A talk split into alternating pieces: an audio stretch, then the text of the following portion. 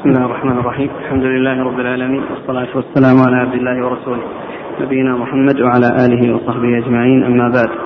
قال الإمام الحافظ أبو عيسى الترمذي رحمه الله تعالى قال في جامعه باب في سهم الخيل. قال حدثنا أحمد بن عبدة الضبي وحميد بن مسعدة. قال حدثنا سليم بن أخضر عن عبيد الله بن عمر عن نافع عن ابن عمر رضي الله عنهما أن رسول الله صلى الله عليه وآله وسلم قسم في النسل قسم في النسل للفرس بسهمين وللرجل بسهم. قال حدثنا محمد بن بشار قال حدثنا عبد الرحمن بن مهدي عن سليمان عن سليم بن أخضر نحوه. قال وفي الباب عن مجمع بن جارية وابن عباس وابن أبي عمرة عن أبيه رضي الله عنهم. قال وهذا حديث ابن عمر حديث حسن صحيح. والعمل على هذا عند أكثر أهل العلم من أصحاب النبي صلى الله عليه وسلم وغيرهم. وهو قول سفيان الثوري والأوزاعي ومالك بن أنس وابن المبارك والشافعي وأحمد وإسحاق. قالوا للفارس ثلاثة أسهم سهم له وسهمان لفرسه وللراجل سهم. بسم الله الرحمن الرحيم. الحمد لله رب العالمين وصلى الله وسلم وبارك على عبده ورسوله. نبينا محمد وعلى آله وأصحابه أجمعين. أما بعد فيقول الإمام أبو عيسى الترمذي رحمه الله في جامعة باب في سهم الخيل. نعم. باب في سهم الخيل. أي من الغنيمة عندما تقسم فإذا كان هناك فارس معه خيل معه فرس فإنه يكون له سهم ولسهمه ولفرسه سهمان. أما إذا كان راجلا ليس معه فرس فإنه يكون له سهم. وعلى هذا فالفارس الذي معه فرس يكون له سهم ويكون لفرسه سهمين. وذلك لأن الفرس يبلي يحصل يعني بسببه إبلاء حسن في الجهاد في سبيل الله عز وجل. فكان فكانت القسمة على قدر الفائدة والمنفعة التي تحصل من الفرس فيكون الشخص بمفرده إذا كان راجلا له سهم واحد وإذا كان معه فرس فيكون له ثلاثة أسهم سهم له وسهمان لفرسه. وقد أورد أبو عيسى هذا الحديث عن رسول الله صلى الله عليه وسلم عن ابن عمر رضي الله عنهما أن النبي صلى الله عليه وسلم جعل أو قسم قسم في النفس للفرس بسهمين وللرجل بسهم.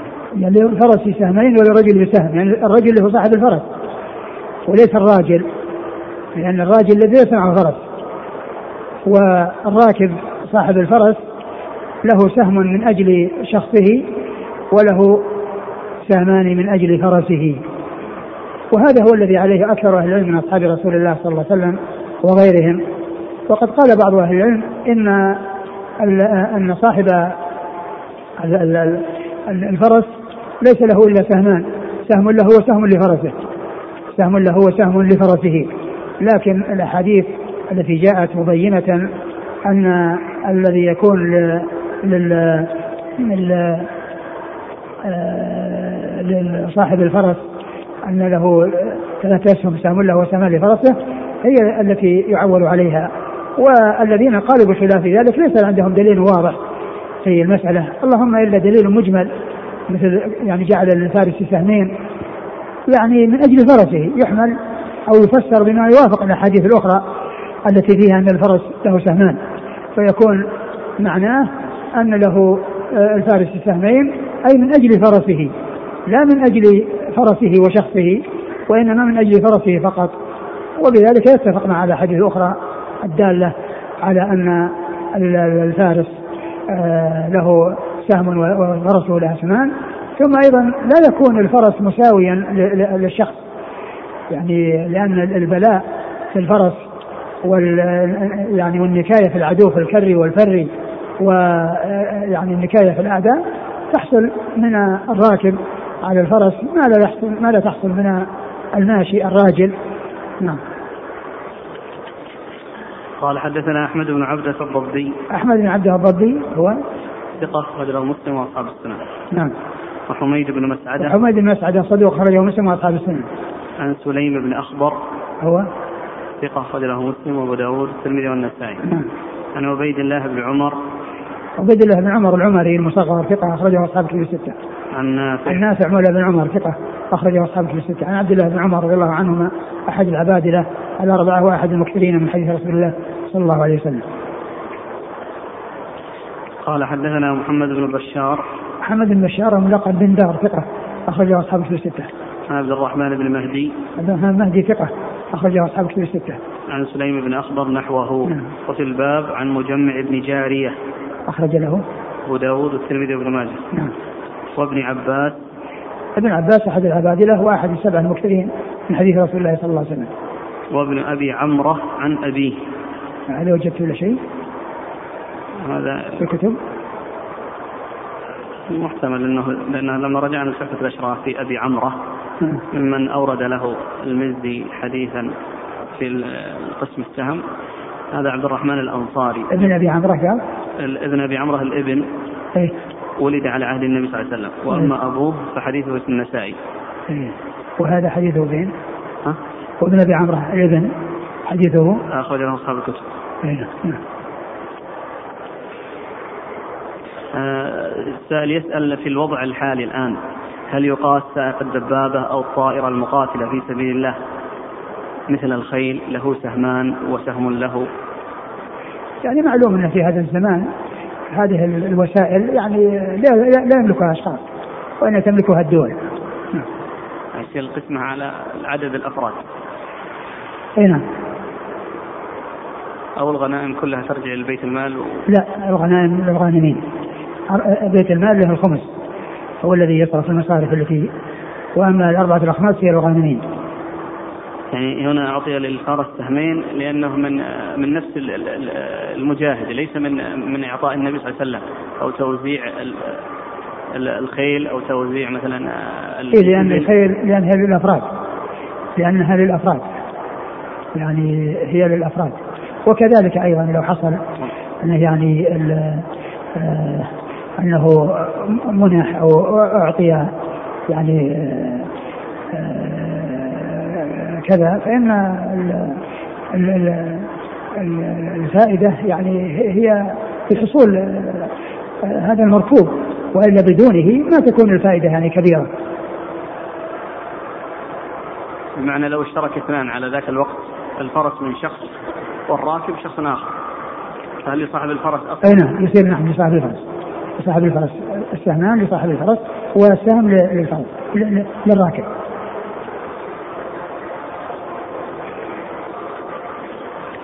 قال رحمه الله تعالى باب ما جاء في السرايا.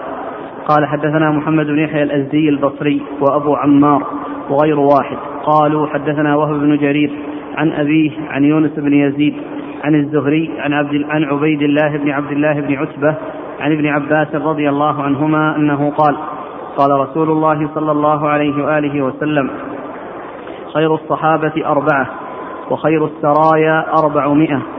وخير الجيوش أربعة آلاف ولا يغلب إثنا عشر ألفا من قلة. قال هذا حديث حسن غريب لا يسنده كبير أحد غير جرير بن حازم. وإنما روي هذا الحديث عن الزهري عن النبي صلى الله عليه وسلم مرسلا. وقد رواه حبان بن علي العنزي عن عقيل عن الزهري عن عبيد الله بن عبد الله عن ابن عباس عن النبي صلى الله عليه وآله وسلم. ورواه الليث بن سعد عن عقيل عن الزهري عن النبي صلى الله عليه وسلم مرسلا. أبو عيسى باب في السرايا. والسرايا جمع سرية. والسرية هي قطعة تنفرد من الجيش وتميز من الجيش. ترسل في مهمة. ترسل في مهمة. وقيل أن عددها يعني يكون أربع أربعمائة. يعني هذه يقال لها سرية. فهي قطعة من الجيش تفرد منه وترسل في مهمة في الغزو. ف آه، آه، ف وهي تكون في هذا المقدار الذي قالوا إنه 400 400 شخص. وقد أورد أبو عيسى هذا الحديث عن رسول الله صلى الله عليه وسلم أنه قال خير الصحب أربعة وخير السرايا 400 وخير الجيوش أربعة آلاف ولن يغلب اثنا عشر ألفا من قلة. وهذا الحديث فيه بيان يعني آه، خير الصحب وخير السرايا وخير الجيوش وأنه يكون بهذه المقادير أربعة وأربعمائة وأربعة آلاف. و والحديث اختلف في ثبوته فمنهم من أثبته وحسنه كالترمذي ومنهم من ضعفه من أجل أن الذين آه، رووه مرسلا من مرسلات الزهري يعني أنهم أثبت وأقوى من الذين وصلوه. فمنهم من حسنه واعتبره يعني من قبيل المقبول ومنهم من قال ان ان ان المرسل هو هو هو الأرجح وهو الثابت. وعلى هذا فلا يكون آه، يعني ثابتا ولا يكون متصلا لأن فيه انقطاع بين الزهري يعني من فوق الزهري. نعم. قال حدثنا محمد بن يحيى الأزدي البصري. هو؟ ثقة أخرج أبو داود في القدر والترمذي وابن ماجه. نعم. وأبو عمار. أبو عمار الحسين بن حريث. ثقة أخرج أصحابه في الستة إلا ابن ماجه. عن وهب بن جرير. وهب بن جرير ثقة أخرج أصحابه في الستة. عن أبيه. وأبوه ثقة أخرج أصحابه في الستة. عن يونس بن عبيد عن يونس بن يزيد.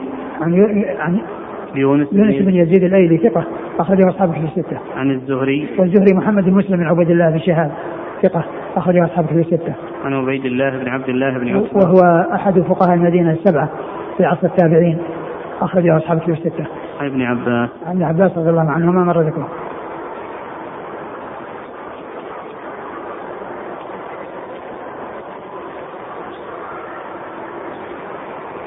قال وقد رواه حبان بن علي العنزي. حبان بن علي العنزي إيش فيه؟ ضعيف أخرجه ابن ماجه. ضعيف أخرجه ابن ماجه. عن عقيل. عقيل بن خالد بن عقيل وهو ثقة أخرجه أصحابه في الستة. عن الزهري عن عبيد الله عن ابن عباس عن النبي صلى الله عليه وسلم ورواه الليث بن سعد. الليث بن سعد ثقة أخرجه أصحابه في الستة. عن عقيل عن الزهري عن النبي صلى الله عليه وسلم مرسلا. نعم. قال رحمه الله تعالى باب من يعطى الفيء.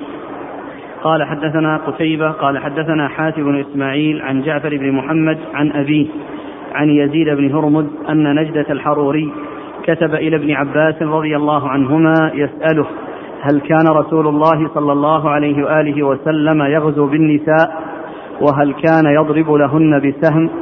فكتب إليه ابن عباس رضي الله عنهما كتبت إلي تسألني هل كان رسول الله صلى الله عليه وآله وسلم يغزو بالنساء؟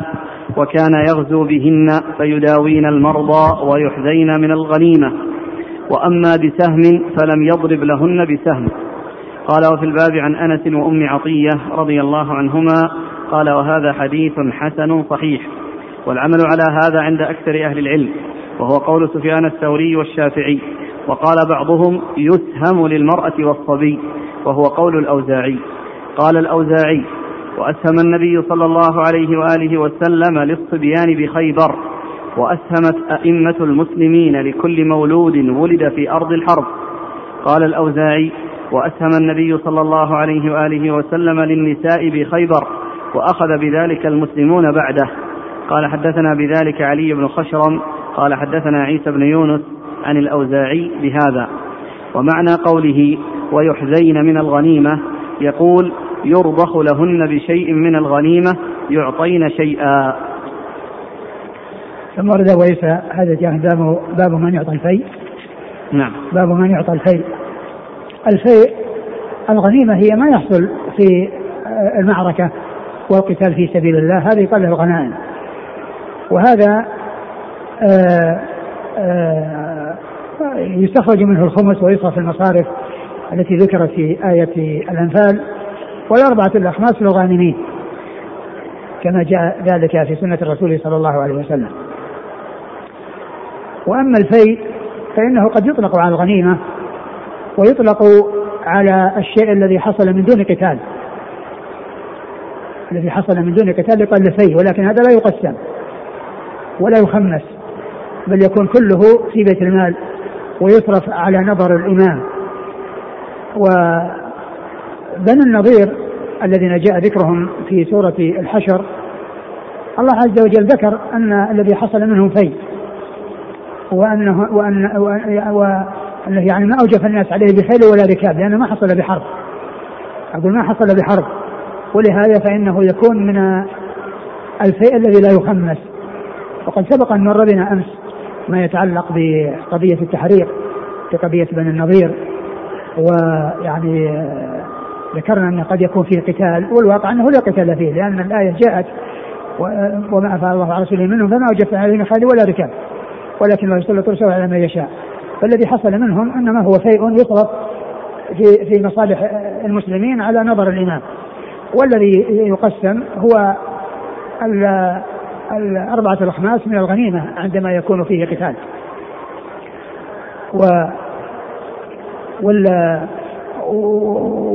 ويطلق كما يعني يطلق أيضا على الغنيمة أنه يقال فيء وقد والذي أورده المصنف هنا هو من هو من جهة من جملة الغنيمة. هو من جملة الغنيمة. وذكر النساء وحديث ابن عباس النساء أنهن إذا ذهبن مع الرسول صلى الله عليه وسلم فإنهن لا يسهم لهن لا لا يعاملن معاملة أصحاب الأسهم وإنما يحذين يعني يعطين يرضخ لهن. فالذين ليسوا من أهل الحرب وليسوا من أهل الجهاد إذا حضروا لا يسهم لهم وإنما يرضخ لهم والرضخ لهم أنهم يعطون شيء يعني لا يصل إلى حد السهم ولا يكون مثل أسهم المجاهدين والغزاة في سبيل الله الذين تحصل بهم النكاية للأعداء. فالمرأة يعني يرضخ لها كما جاء في هذا الحديث يعني أن أنه أنه قال إيش لفظه؟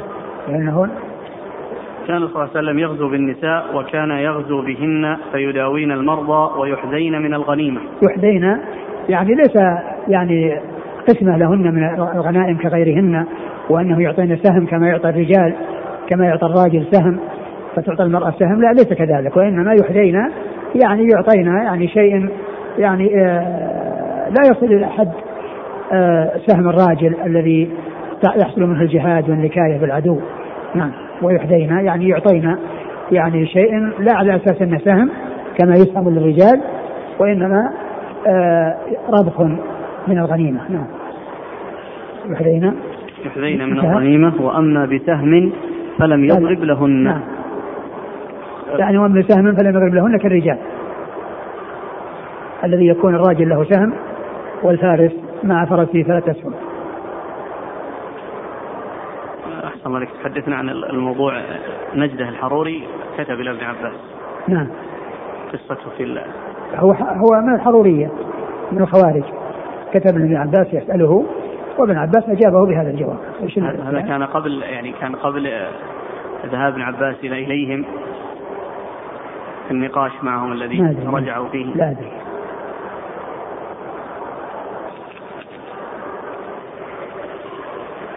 قال حدثنا قتيبة. ذاك اللي حصل في زمن علي. يقول الذي حصل في زمن علي اللي هو قضية كونه ذهب إليهم. وهو الآن كتب لابن عباس.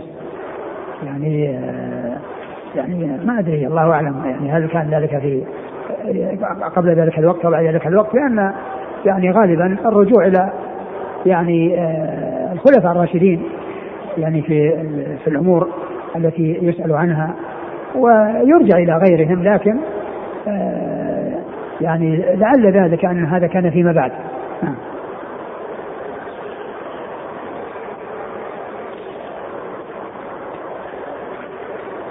هم يعني موقف الخوارج من أصحاب النبي صلى الله عليه وسلم حتى يعني هل نجده الآن يعني يرى ابن عباس موضع ثقة حتى كان على على رايه ومذهبه حتى يسأله يستفتيه ولا كان هذا من عن توبة أو كذا؟ ما أدري لا أدري ثم إجابة ابن عباس لنجدة. هل كان هذا قبل ظهوره؟ هل؟ هل كان قبل ظهور الخوارج؟ يقول السائل مع سوء مذهب نجدة. لا أدري. بس هو قال الحروري يعني نسبه إلى طبعا قبل أن يوجدوا يعني ما ينسب ما ينسب إلى حرورة قبل وجوده. الناسب إليه تلميذه يعني أو الذي متأخر. يعني الذي نسبه عن يزيد بن هرمز أن نجدة الحروري كتب إلى ابن عباس. نعم. أقول النسبة هنا قد تكون من المتأخر نسبة الحروري إيه. أصلا هي الحرورية أصلا ما جاءت إلا عقب ما وجد الخوارج أقول عقب ما يعني ظهروا وبرزوا وانحازوا إلى هذا المكان قيل لهم حرورية اللي هم الخوارج قال حدثنا قتيبة قتيبة بن سعيد ثقة أخرج أصحاب الكتب الستة. عن حاتم بن إسماعيل وهو صدوق يهم أخرج أصحاب الكتب. نعم.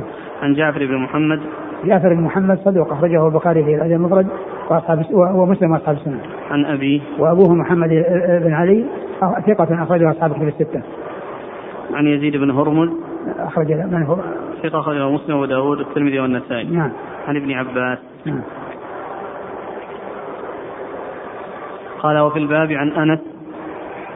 أنس بن مالك خادم رسول الله صلى الله عليه وسلم وهو من أكثر روايه عنه.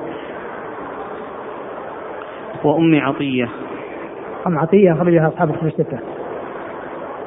آه، قال الأوزاعي وأسهم النبي صلى الله عليه وسلم للصبيان بخيبر وأسهمت أئمة المسلمين لكل مولود ولد في أرض الحرب. وقال الأوزاعي أسهم النبي صلى الله عليه وسلم المقصود رضخ وليس وليس إعطاء يعني مثل ما يعطى المقاتلين. نعم. وكذلك الذي حصل بعد ذلك وأسهمت أئمة المسلمين لكل مولود ولد في أرض الحرب هنا وإن لم يشارك.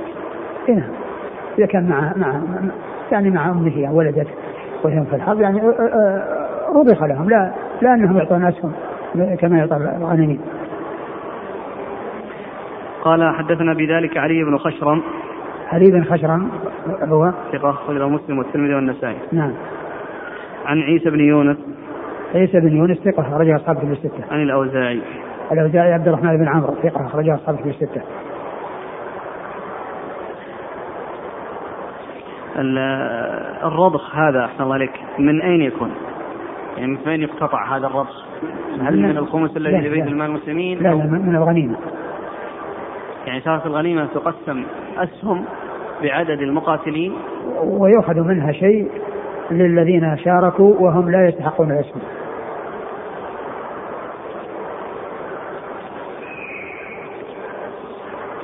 يقول هل في الحديث متمسك لمن قال بجواز عمل المرأة ومخالطتها للرجال حيث يداوين المرضى لا ما يجوز.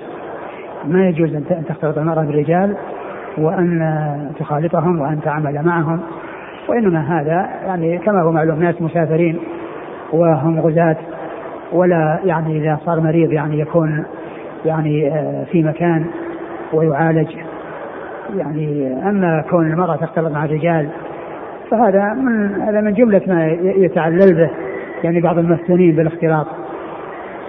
ويعني ولا شك أن الاختلاط اختلاط الرجال بالنساء سبب كل بلاء. وسبب كل شر لا سيما مع وجود آه، ما حصل في هذا الزمان في كثير من البلدان من تعري النساء وإسبال الرجال. الرجال يسبلون والنساء يتعرين فيظهرن رؤوسهن ونحورهن وأعضادهن وسوقهن وبعض أفقادهن ما بقي إلا الشيء القليل المستور. فإذا حصل الاختلاط مع هذه الفتنة ومع هذا البلاء فإن ذلك فيه البلاء العظيم والشر العظيم. ونساء الصحابة التي كانت يداوين المرضى أولا قلة مع أزواجهن ويحصل منهن مع وجود أزواجهن ويكون يعني في يعني علاج يعني لمريض ليس فيه هذا هذا الذي يتعلل به المفتونون بالاختلاط. والذين يعني يريدون أن تنفلت النساء وأن آه، يتحررن من القيود الشرعية التي جاءت لمصلحة الجميع ولفائدة النساء والرجال. ومعلوم ما حصل بسبب هذا الانفلات من أضرار لا حد لها وبلاء وشر عظيم. لا بداية له ولا نهاية وكل ذلك بسبب الاختلاط. ومع التعري ومع انفلات المرأة تذهب كيف شاءت وتأتي كيف شاءت وتخالط من تشاء وتختلط من تشاء ويخلو بها من تشاء ويشاء كل هذا من أعظم الفتن. والاختلاط يعني حتى كان في في الأمم السابقة يعني كان يترك وكان يعني النساء لا تختلط بالرجال كما في قصة موسى لما ورد مدين ماء مدين. ولما ورد ماء مدين وجد عليه أمة من الناس يسقون ووجد من دونهم امرأتين تذودان قال ما خطبكما؟ قالت لا نسقي حتى يصدر الرجال ما تزاحم الرجال في على البئر وعلى الحوض وتسقي غنمها وإنما تذود غنمها حتى يخلص الرجال. ثم تأتي النساء بعد ذلك. وذكرت أن أباهما شيخ كبير ما يستطيع أن يأتي لسقي غنم. ما يستطيع ولهذا اضطرتا إلى أن تأتي. ولما اضطرتا انتظرتا فسقى له موسى واشتغل مع الرجال. فسقى لهم موسى عليه الصلاة والسلام. هذا حتى في الأمم السابقة هذا هذا موجود. وقد ذكر ابن القيم في كتابه آه، الطرق الحكمية يعني كلاما نفيسا حول الاختلاط وعلى يعني ضرره وقال إنه يجب على ولاة الأمر أن يمنعوا آه، اختلاط الرجال بالنساء في الأسواق والفرج يعني أماكن الفرج وغير ذلك. وقال لو علم ولاة الأمر ما في الاختلاط من فساد الدنيا قبل الدين لكانوا أشد منعا لذلك لكانوا أشد منعا لذلك يعني هذا سبب كل بلاء وسبب كل شر. يعني هذا الانفلات الذي حصل للنساء في هذا الزمان. ثم من يكون محافظا يعني آه، ينتقد ويتكلم فيه ويقول إنه ما عنده الحرية للمرأة. الإسلام أعطى المرأة حرية يعني محددة تشتمل على العفه وعلى وعلى البعد عن أسباب الريبة. وهؤلاء المفتونون في هذا الزمان يريدون أن تكون النساء المحافظات تنفلت فتكون كغيرهن من النساء المنفلتات. نعم. أحسنتم. السؤال كذلك جاءت أسئلة فيما يتعلق في نفس قضية يعني المرأة تخرج مع زوجها لأجل هذا العمل. في ما هو ما هو لازم هو ليس بلازم أن يكون لهذا العمل، قد تخرج لزوجها لحاجة زوجها إليها ولكن يعني يمكن أن يحصل منها مثل هذا الشيء الذي تقوم به وهي ليست مشتغلة بالقتال ليست مشتغلة بالقتال وإنما هي مشتغلة ب يعني الأمور التي يحتاج إليها فيها فيما يتعلق يعني في خدمة زوجها وكذلك أيضا إذا وجد يعني جريح يعني كونها تعالجه. بحضور يعني وليها وبحضور يعني زوجها ما في بس هذا هو الذي هو الذي يدل عليه الحديث. لكن لا ليس في ذلك دليل للمفتونين الذين يبحثون عن انفلات المرأة وخروجها عن عن الموقع التي هي فيه والتي وضعها الإسلام فيه وهو ابتعادها عن كل شيء يسيء إليها ويحصل به الإخلال بعفافها وحشمتها. قال رحمه الله تعالى باب هل يسهم للعبد؟ قال حدثنا قتيبة قال حدثنا بشر بن المفضل عن محمد بن زيد عن عمير مولى آب اللحم رضي الله عنه أنه قال شهدت خيبر مع سادتي فكلموا في رسول الله صلى الله عليه وسلم. وكلموه أني مملوك. قال فأمرني فقلدت السيف. فإذا أنا أجره فأمر لي بشيء من خرسي المتاع. وعرضت عليه رقية وعرضت عليه رقية كنت أرقي بها المجانين. فأمرني بطرح بعضها وحبس بعضها. قال وفي الباب عن ابن عباس رضي الله عنهما قال وهذا حديث حسن صحيح. والعمل على هذا عند بعض أهل العلم. لا يسهم المملوك ولكن يرضخ له بشيء وهو قول الثوري والشافعي وأحمد وإسحاق. وهذا أيضا يعني ممن يرضخ لهم وهم المماليك العبيد غير الأحرار فإنهم يرضخ لهم الغنيمة كما يرضخ للنساء وكما يرضخ للصبيان. يعني يعطون شيء يعني لا يصل إلى حد السهم وإنما هو أقل من السهم. وقد أورد أبو عيسى حديث عمير مولى آب اللحم وأنه خرج مع سادته إلى خيبر وأن آه سادته كلم الرسول صلى الله عليه وسلم فيه فطبخ له من الغنيمة وأعطاه شيئا منها أعطاه من, من, من, من, المتاع ومن الأثاث الذي يعني غنموه أعطاه شيئا من ذلك. فدل هذا على أن المماليك يرضخ لهم من الغنيمة قال أمرني فقلدت السيف. يعني قلد السيف يعني ل يعني ل آه ليرى هل يعني عنده يعني آه قدرة. ف وإذا هو يعني يسحب يعني معناه أنه قصير. يعني عندما يقولون طويل النجاد يعني آه في, في, في البلاغة في الكناية طويل النجاد يعني كثير الرماد آه يعني معناه إنه طويل النجاد إنه يعني النجاد إنه ما يسحب ما يصل إلى الأرض يعني هذا مدح للشخص الذي يكون طويلا وإذا تقلد السيف ما يصل إلى الأرض. نعم. فقلدت السيف فاذا أنا أجره فأمر لي بشيء من خرسي المتاع. نعم. يعني هذا بدل عنه؟ يعني كأنه كأنه يعني لو كان لو كان إنه يعني آه له نكاية في العدو انه يعني يفعل مثل ما يفعل المجاهدين فإنه يعطى مثل ما يعطون ويكون لسيده لأن ما يملكه لسيده. لكن يعني كونه ما حصل منه بلاء مثل ما يحصل المجاهدين يعني يرضخ له ما دام إنه معه وعرضت عليه رقية كنت أرقي بها المجانين فأمرني بطرح بعضها وحبس بعضها. يعني أيضا آه، عرض على رسول الله صلى الله عليه وسلم رقية كان يستعملها ويرقي بها المجانين فأمره النبي صلى بطرح بعضها وحبس بعضها يعني فيها شيء مو طيب يتركه وشيء طيب يبقيه.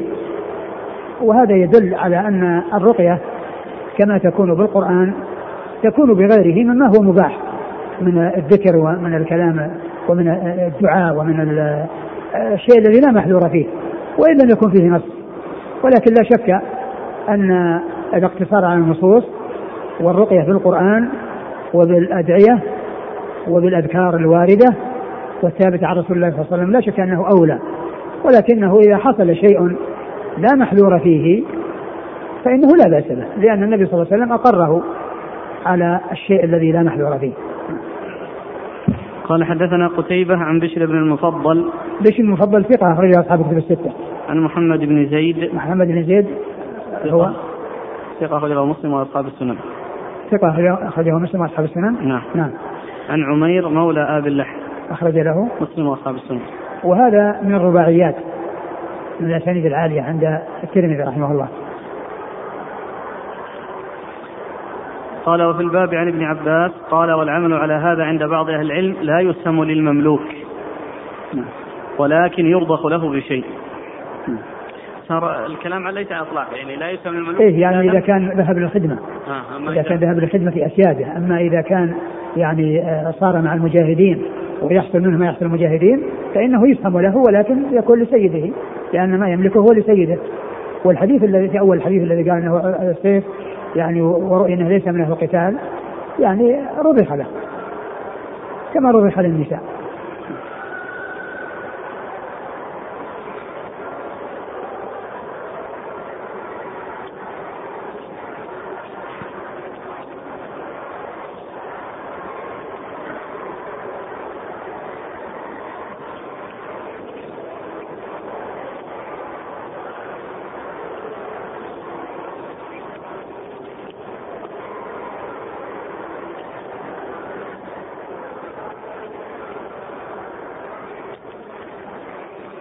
خرسي المتاع؟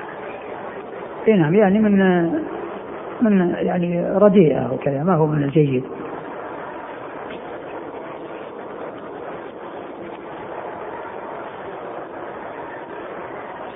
قال رحمه الله تعالى باب ما جاء في أهل الذمة يغزون مع المسلمين.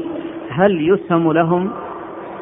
قال حدثنا الأنصاري قال حدثنا معا قال حدثنا مالك بن أنس عن الفضيل بن أبي عبد الله عن عبد الله بن دينار.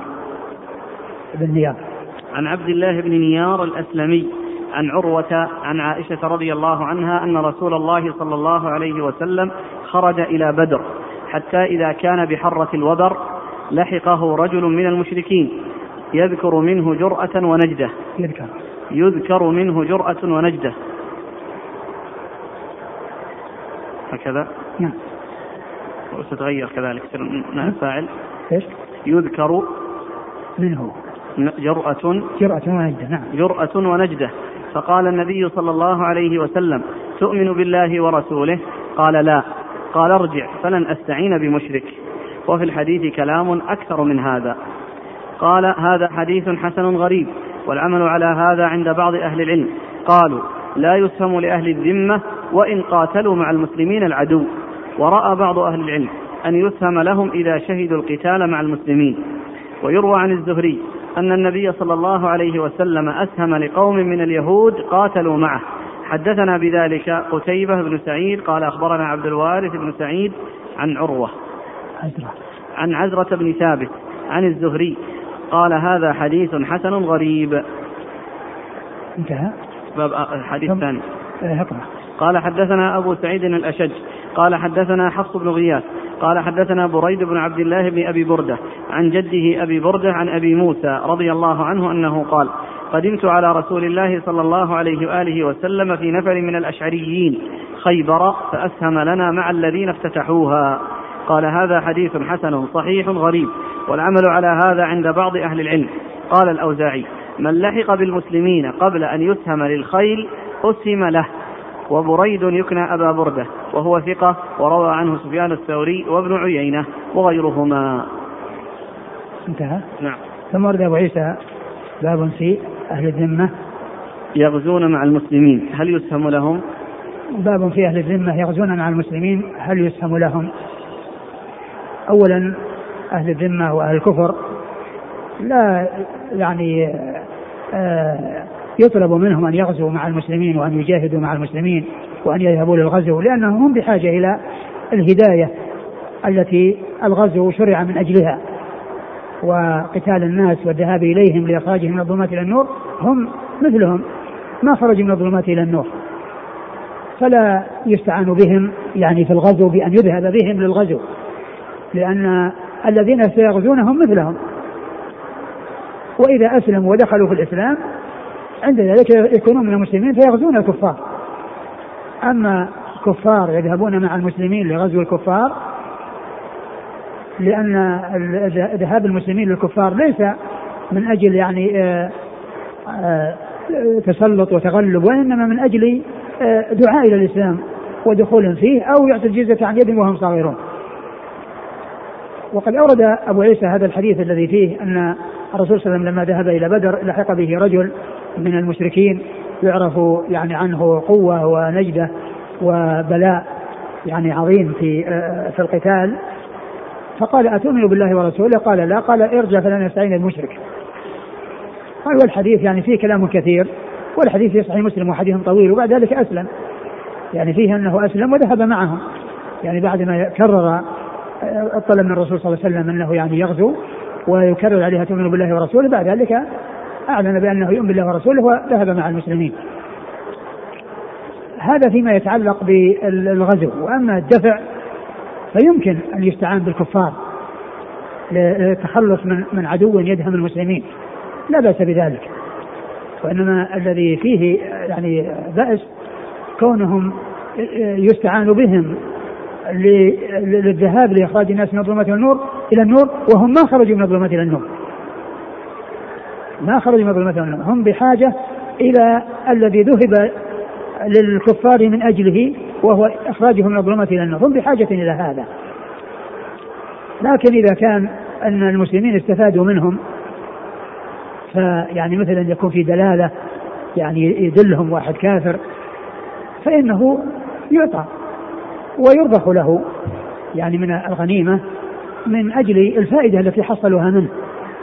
أما كونهم يذهبون به ليجاهد وليقاتل في سبيل الله القتال لتكون كلمة الله هي العليا وهذا ما كان من أهل آه، من أهل الإسلام ولم يكن آه، آه، أهلا لأن يغزو الكفار مع المسلمين لأنه هو نفسه بحاجة إلى الهداية التي تطلب للذهاب في الذهاب إلى الناس المدعوين. الحاصل انه إذا كان يعني حصل منهم لهم من الكفار واحد من الكفار استفاده من المسلمين للمسلمين استفادوا منهم فإنه يرضخ لهم. وأما في الغزو فإنه لا لا يذهب بهم ويطالبون أو يطلب منهم أن يأتوا لأن يخرجوا مع المسلمين لقتال الكفار لأنهم هم من جنس الكفار هم كفار مثل الكفار. تبويب. أعد شيخ؟ أعد الحديث. عن عائشة رضي الله عنها أن رسول الله صلى الله عليه وسلم خرج إلى بدر حتى إذا كان بحرة الوبر. نعم. لحقه رجل من المشركين. مكان قريب من المدينة. نعم. لحقه رجل من المشركين يذكر منه جرأة ونجدة. نعم. فقال النبي صلى الله عليه وسلم تؤمن بالله ورسوله؟ قال لا. قال ارجع فلن أستعين بمشرك. قال وفي الحديث كلام أكثر من هذا. شوف الحديث في الشرح الذي ذكر فيه اللي هو عند مسلم.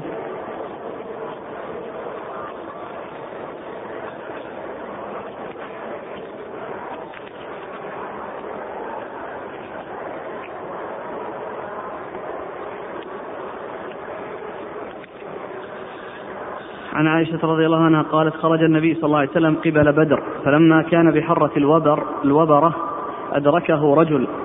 قد كان يذكر منه جرأة ونجدة ففرح به أصحاب رسول الله صلى الله عليه وسلم حين رأوه. فلما أدركه قال جئت لأتبعك فأصيب معك. فقال له رسول الله صلى الله عليه وسلم تؤمن بالله ورسوله؟ قال لا. قال فارجع فلن أستعين بمشرك. قالت ثم مضى حتى إذا كان بالشجرة. أدركه الرجل فقال له كما قال أول مرة. فقال له النبي صلى الله عليه وسلم كما قال أول مرة. فقال لا. قال فرجع فلن أستعين بمشرك. قال فرجع فأدركه بالبيداء. فقال له كما قال أول مرة تؤمن بالله ورسوله؟ قال نعم. فقال له فانطلق.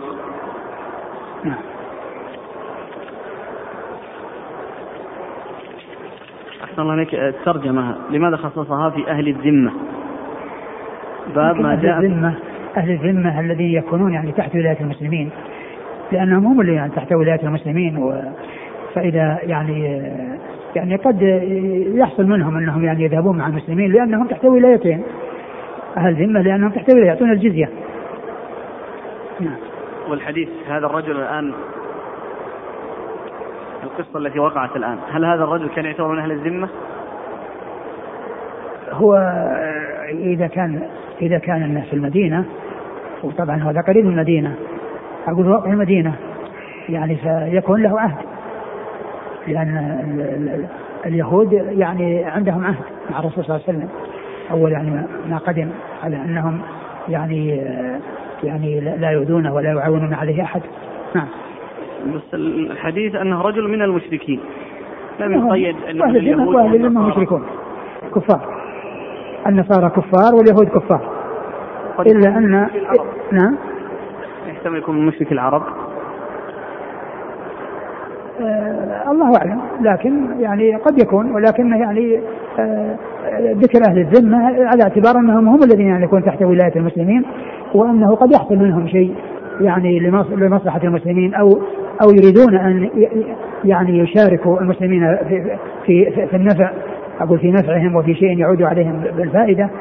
ولكن الرسول صلى الله عليه وسلم قال لهذا الذي أراد أن يذهب ليصيب يعني قصده الدنيا يعني قال ليصيب شيئا. فقال ارجع فلا نستعين بمشرك. فالتبويب لأهل الذمة على اعتبار أنهم هم الذين يكونوا تحت الولاية. نعم. قال حدثنا الأنصاري. الأنصاري هو إسحاق بن موسى وهو ثقة أخرج له مسلم. والترمذي والنسائي وابن ماجه. نعم. عن معن. عن معن بن عيسى ثقة أخرج أصحاب في الستة. عن مالك عن مالك إمام دار الهجرة. أخرج حديث أصحاب في الستة. عن الفضيل بن أبي عبد الله. الفضيل بن أبي عبد الله هو؟ ثقة أخرج له مسلم وأبو داود والترمذي والنسائي. نعم. عن عبد الله بن نيار الأسلمي. عبد الله؟ بن نيار. بن نيار الأسلمي هو؟ ثقة أخرج له مسلم وأصحاب السنن نعم. عن عروة عن عائشة. نعم. عروة بن الزبير العوام ثقة فقيه أحد فقهاء المدينة السبعة في عصر التابعين أخرجه أصحاب الكتب الستة. وعائشة أم المؤمنين رضي الله عنها وأرضاها الصديقة بنت الصديق وهي ممن أكثر رواية عن رسول الله صلى الله عليه وسلم. قال والعمل على هذا عند بعض أهل العلم. قالوا لا يسهم لأهل الذمة وإن قاتلوا مع المسلمين. يعني أنه, أنه يعني لا يسهم لهم يعني يعطون السهم وإنما يرضخ لهم. نعم. ولكن يعني كونهم يعني يذهبون للغزو لا لا يستعان بالكفار كما جاء ذلك عن رسول الله صلى الله عليه وسلم. لكن كون يستعان بهم في الدفاع لا بأس به. نعم. ورأى بعض أهل العلم أن يسهم لهم إذا شهدوا القتال مع المسلمين ويروى عن الزهري أن النبي صلى الله عليه وسلم أسهم لقوم من اليهود قاتلوا معه حدثنا بذلك قتيبة بن سعيد عن عبد الوارث بن سعيد عبد الوارث بن سعيد ثقة أخرج أصحاب الكتب الستة. عن عزرة بن ثابت. عزرة بن ثابت هو ثقة أخرج أصحاب الكتب وأبو داود في القدر. نعم. عن الزهري. نعم. الحديث لم يثبت. مرسل. اي نعم. أصحاب الكتب وأبو داود في القدر. الحديث الثاني عن أبي موسى قال قدمت على رسول الله صلى الله عليه وسلم في نفر من الأشعريين خيبر فأسهم لنا مع الذين افتتحوها. وهذا في قصة أبي موسى وغيره من أهل السفينة الذين جاءوا وقد انتهى الفتح لخيبر. والرسول صلى الله عليه وسلم أسهم لهم مع الذين غنموا. وبعض أهل العلم استدل يعني بهذا على أن يعني من جاء بعد الغنيمة يسهم له. وقال بعض أهل العلم أن, أن, أن هذا إنما حصل باستئذان. أو أنه لعله استأذن يعني أصحاب الحقوق بأن يشاركوا أو يشاركهم أولئك يعني الذين هم من الصحابة الذين جاءوا متخلفين. ولكن ما حصل لهم بلاء ولا حصل منهم جهاد. فالأصل أن أنه لا يعطى إلا من حضر المعركة وشارك فيها. ومن جاء بعد ذلك فإنه لا يعطى. وقد قال بعض أهل العلم لعل الرسول صلى الله عليه وسلم استأذن يعني آه، المقاتلين بأن يفرض لهم. شوف كلام الشارح في هذا. الشارح؟ اي نعم.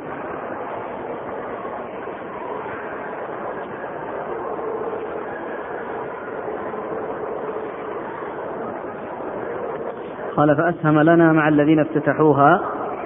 استدل به من قال إنه يسهم لمن حضر بعد الفتح قبل قسمة الغنيمة.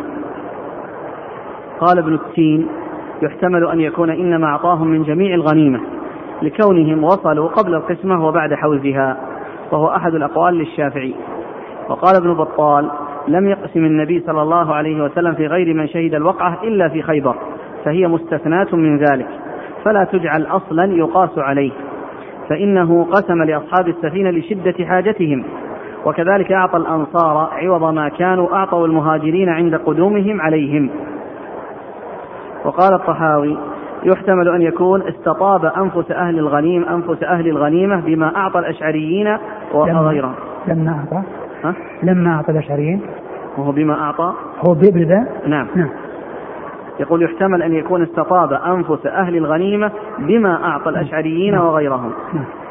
ومما يؤيد أنه لا نصيب لمن جاء بعد الفراغ من القتال ما رواه عبد الرزاق بإسناد صحيح. وابن أبي شيبة أن عمر رضي الله عنه قال الغنيمة لمن شهد الوقعة. وأخرجه الطبراني والبيهقي مرفوعا وموقوفا وقال الصحيح موقوف. وأخرجه ابن عدي من طريق أخرى عن علي موقوفا ورواه الشافعي من قول أبي بكر وفيه انقطاع. كذا في النيل.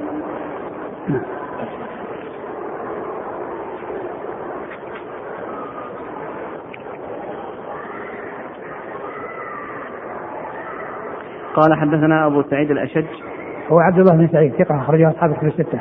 عن حفص بن غياث ثقة أخرجه أصحاب الكتب الستة. عن بريد بن عبد الله بن أبي بردة وهو ثقة أخرجه أصحاب الكتب الستة. وأبوه وجده أبو بردة ثقة أخرجه أصحاب الكتب الستة. وأبو موسى الأشعري عبد الله بن قيس رضي الله عنه أخرج له أصحاب الكتب الستة. قال الأوزاعي من لحق بالمسلمين قبل أن يسهم للخيل أسهم له يعني هذا على على على اعتبار انها أحد الأقوال انه قبل أن قبل أن تقسم الغنيمه لكن مثل ما قال الشارح أن هذا لا يعني ذكر عن بعض العلم لا يتخذ هذا قاعدة وأن من جاء بعد الغنيمة أنه يعطى وإنما هذا يعني هذه حالة خاصة.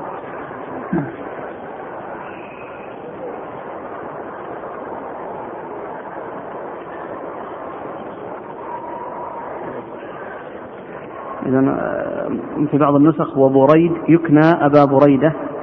الصواب كان في أبو بردة. الشيخ. إيه نعم. نعم أبو بردة. نعم هو الصواب. نعم. قال رحمه الله تعالى باب ما جاء في الانتفاع بآنية المشركين. قال حدثنا زيد بن أخزم الطائي. قال حدثنا أبو قتيبة مسلم ابن قتيبة. آه، سنه. قال حدثنا أبو قتيبة سلم بن قتيبة. قال حدثنا شعبة عن أيوب عن أبي قلابة عن أبي ثعلبة الخشني رضي الله عنه أنه قال سئل رسول الله صلى الله عليه وآله وسلم عن قدور المجوس فقال أنقوها غسلا واطبخوا فيها ونهى عن كل سبع وذناب. قال وقد روي هذا الحديث من غير هذا الوجه عن أبي ثعلبة ورواه أبو دريس الخولاني عن أبي ثعلبة. وأبو قلابة لم يسمع من أبي ثعلبة إنما رواه عن أبي أسماء عن أبي ثعلبة. قال حدثنا هناد قال حدثنا ابن المبارك عن حيوة بن شريح قال سمعت ربيعة بن يزيد الدمشقي يقول أخبرني أبو إدريس الخولاني عائد الله بن عبيد الله. بن عبد الله. بن عبد الله. قال سمعت أبا ثعلبة الخشني رضي الله عنه يقول أتيت رسول الله صلى الله عليه وآله وسلم فقلت يا رسول الله إنا بأرض قوم أهل كتاب نأكل في آنيتهم. قال إن وجدتم غير آنيتهم فلا تأكلوا فيها فإن لم تجدوا فاغسلوها وكلوا فيها. قال أبو عيسى هذا حديث حسن صحيح. ثم أبو عيسى هذه الترجمة باب في آنية أهل الكتاب. الانتفاع بآنية المشركين. الانتفاع بآنية المشركين. آه، آنية المشركين إذا كانوا يستعملونها واحتاج الناس إليها فإنهم يغسلونها وينقونها غسلا ويستعملوها لأنها يعني حتى يعني يطمئن إلى يعني نظافتها ونزاهتها وكونه لا يبقى فيها شيء من مما يستعملونه من الميتات ومن الأمور المحرمة التي لا تجوز. فبغسلها تطهر وتنظف فيكون استعمالها.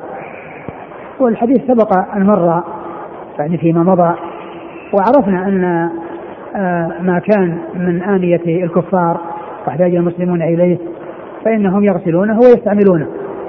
وأما إذا كان من الذي يأتي منهم وهو يعني شيء جديد مصنع ولم يستعمل فإنه يستعمل وإن لم يغسل. لأن المحذور في الشيء الذي هو من آنيتهم التي يستعملونها. التي يستعملونها احتمال ما فيها من نجاسة بسبب استعمالهم الأشياء النجسة مثل الميتات وغيرها. فبغسلها تطهر وهذا عندما يحتاج الناس إليها. أما إذا استغنوا عنها فإنه لا حاجة بهم إليها. وأورد أبو عيسى حديث أبي ثعلبة الخشني في ذلك وقد سبق أن مر. نعم. قال حدثنا زيد بن أخزم الطائي. هو؟ ثقة أخرجه أصحاب الكتب إلا مسلم. نعم. عن أبي قتيبة سلم بن قتيبة.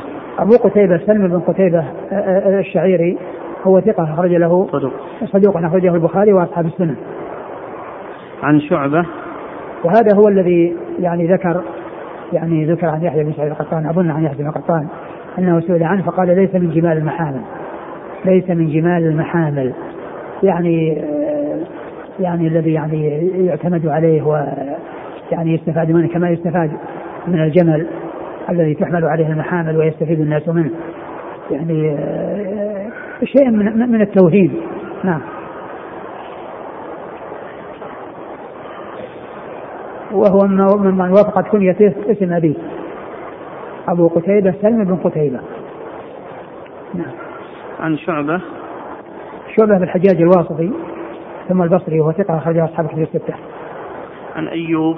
أيوب بن أبي تميم السختياني ثقة أخرجه أصحاب كتب الستة. عن أبي قلابة. أبي قلابة عبد الله بن زيد الجرمي ثقة أخرجه أصحاب كتب الستة. عن أبي ثعلبة. أبو ثعلبة الخشني جرثوم بن ناشر رضي الله عنه أخرج له أصحاب كتب الستة. ورواه أبو إدريس الخولاني. أبو إدريس الخولاني هو عائد الله ابن عبد الله وهو ثقة أخرجه أصحاب كتب الستة. عن أبي عن قال عن أبي ثعلبة وأبو قلابة لم يسمع من أبي ثعلبة. إنما رواه عن أبي أسماء عن أبي ثعلبة. وأبو أسماء هو الرحبي وهو ثقة أخرج البخاري في المفرد ومسلم وأصحاب السنن. نعم. قال حدثنا هناد. هناد بن السري أبو السري ثقة أخرج له البخاري في خلق أفعال العباد ومسلم وأصحاب السنن. عن ابن المبارك. عبد الله بن المبارك المروزي ثقة أخرج أصحاب كتب الستة. عن حيوة بن شريح. حيوة بن شريح هو ال وش قال فيه؟ ثقة أخرج أصحاب الكتب. ثقة أخرج أصحاب الكتب الستة عن ربيعة بن يزيد الدمشقي. ربيعة بن يزيد الدمشقي هو؟ ثقة أخرج أصحاب الكتب. نعم. ثقة أخرج أصحاب الكتب. نعم. عن أبي زيد الخولاني. نعم. عن أبي ثعلبة. نعم.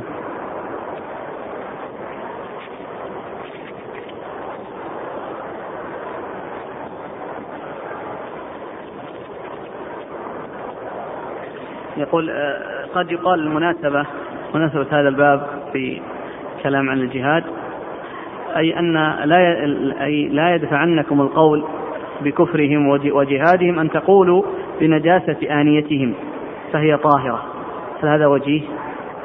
لا ليس بوجيه لأن الشيء الذي يستعملونه يعني أمرنا بغسله ولم يؤذن لنا نستعمله من دون غسل ولكن هذا الغسل هو لاحتمال النجاسة.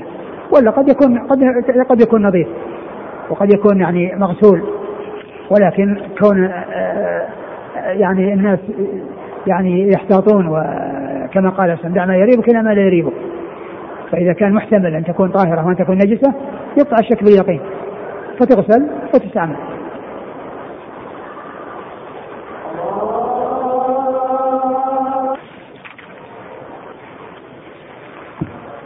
ووجه ذكر هذا الباب في أبواب الجهاد. من جهة أن المسلمين عندما يذهبون للغزو قد تقع في أيديهم أواني الكفار فيكون بحاجة إلى استعمالها. فجاء البيان بأن أنها تستعمل بعدما تغسل وتنظف.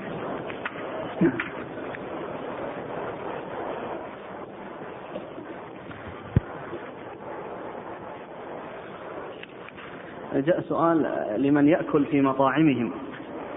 فهو في الغالب أنهم يغسلون يعني الآنية من شخص إلى آخر. فهل عليه من حرج؟ إذا كان إذا كان آه، يعني آه، تلك الأواني تغسل و فإنه يحصل المقصود. يعني الذي هو نظافتها وعدم وجود النجاسة فيها. وإذا كانت المطاعم تدار فيها الخمر وتوجد فيها الخمر فليس الإنسان يجلس فيها ولا أن يأكل فيها وإنما يأخذ الطعام الحلال المباح ويأكله في مكان آخر. أما أن يجلس في أماكن يعني تدار فيها الخمر وتستعمل فيها الخمر ويستعمل فيها المحرم فلا يجلس فيها. قال رحمه الله تعالى باب في النفل. قال حدثني محمد بن بشار قال حدثنا عبد الرحمن بن مهدي قال حدثنا سفيان عن عبد الرحمن بن الحارث عن سليمان بن موسى عن مكحول عن أبي سلام عن أبي أمامة رضي الله عنه عن عبادة بن الصامت رضي الله عنه أن النبي صلى الله عليه وسلم كان ينفل في البدأة الربع وفي القفول الثلث. قال وفي الباب عن ابن عباس وحبيب بن مسلمة ومعد بن يزيد وابن عمر وسلمة بن الأكوع رضي الله عنهم أجمعين. وحديث عبادة حديث حسن. وقد روي هذا الحديث عن أبي سلام عن رجل من أصحاب النبي صلى الله عليه وسلم. قال حدثنا هناد قال حدثنا ابن أبي الزناد عن أبيه عن عبيد الله بن عبد الله بن عتبة عن ابن عباس رضي الله عنهما أن النبي صلى الله عليه وآله وسلم تنفل تنفل سيفه ذا الفقار يوم بدر وهو الذي رأى فيه الرؤيا يوم أحد. هذا حديث حسن غريب إنما نعرفه من هذا الوجه من حديث ابن أبي الزناد. وقد اختلف أهل العلم في النفل من الخمس. فقال مالك بن أنس لم يبلغني أن رسول الله صلى الله عليه وسلم نفل في مغازيه كلها. وقد بلغني أنه نفل في بعضها وإنما ذلك على وجه الاجتهاد من الإمام في أول المغنم وآخره. قال ابن منصور قلت لأحمد إن النبي صلى الله عليه وسلم نفل إذا فصل بالربع بعد الخمس وإذا قفل بالثلث بعد الخمس. فقال يخرج الخمس ثم ينفل أو ينف ثم ينفل مما بقي ولا يجاوز هذا. قال أبو عيسى وهذا الحديث على ما قال المسيب. النفل من الخمس قال إسحاق كما قال. انتهى؟ نعم. آه باب. في النفل. وش قال في الأول أنه آه، أول كلام اللي ذكره في كلام الترمذي؟ وقد اختلف أهل العلم في النفل من الخمس. فقال مالك بن أنس لم يبلغني أن رسول الله صلى الله عليه وسلم نفل في مغازيه كلها وقد بلغني أنه نفل في بعضها وإنما ذلك على وجه الاجتهاد. ثم ورد أبو عيسى باب في النفل. والنفل هو ما يؤخذ يعني يأخذه الغزاة زيادة على الغنيمة. يعني بأن يعني يقال لهم أنهم إذا أتوا بشيء فإن لهم كذا يعني منه ويختلف في حال الذهاب. عن حال عن حال الرجوع بحيث يكون حال الذهاب أقل من حال الرجوع لأن لأنه في حال الرجوع الناس يعني ذاهبون وهم مقبلون على الجهاد ولم ينتهوا بخلاف بخلاف إذا كانوا راجعين فإنه يكون في ذلك ثقل وفيه يكون مشقة فلهذا زاد مقدار التمثيل فيه.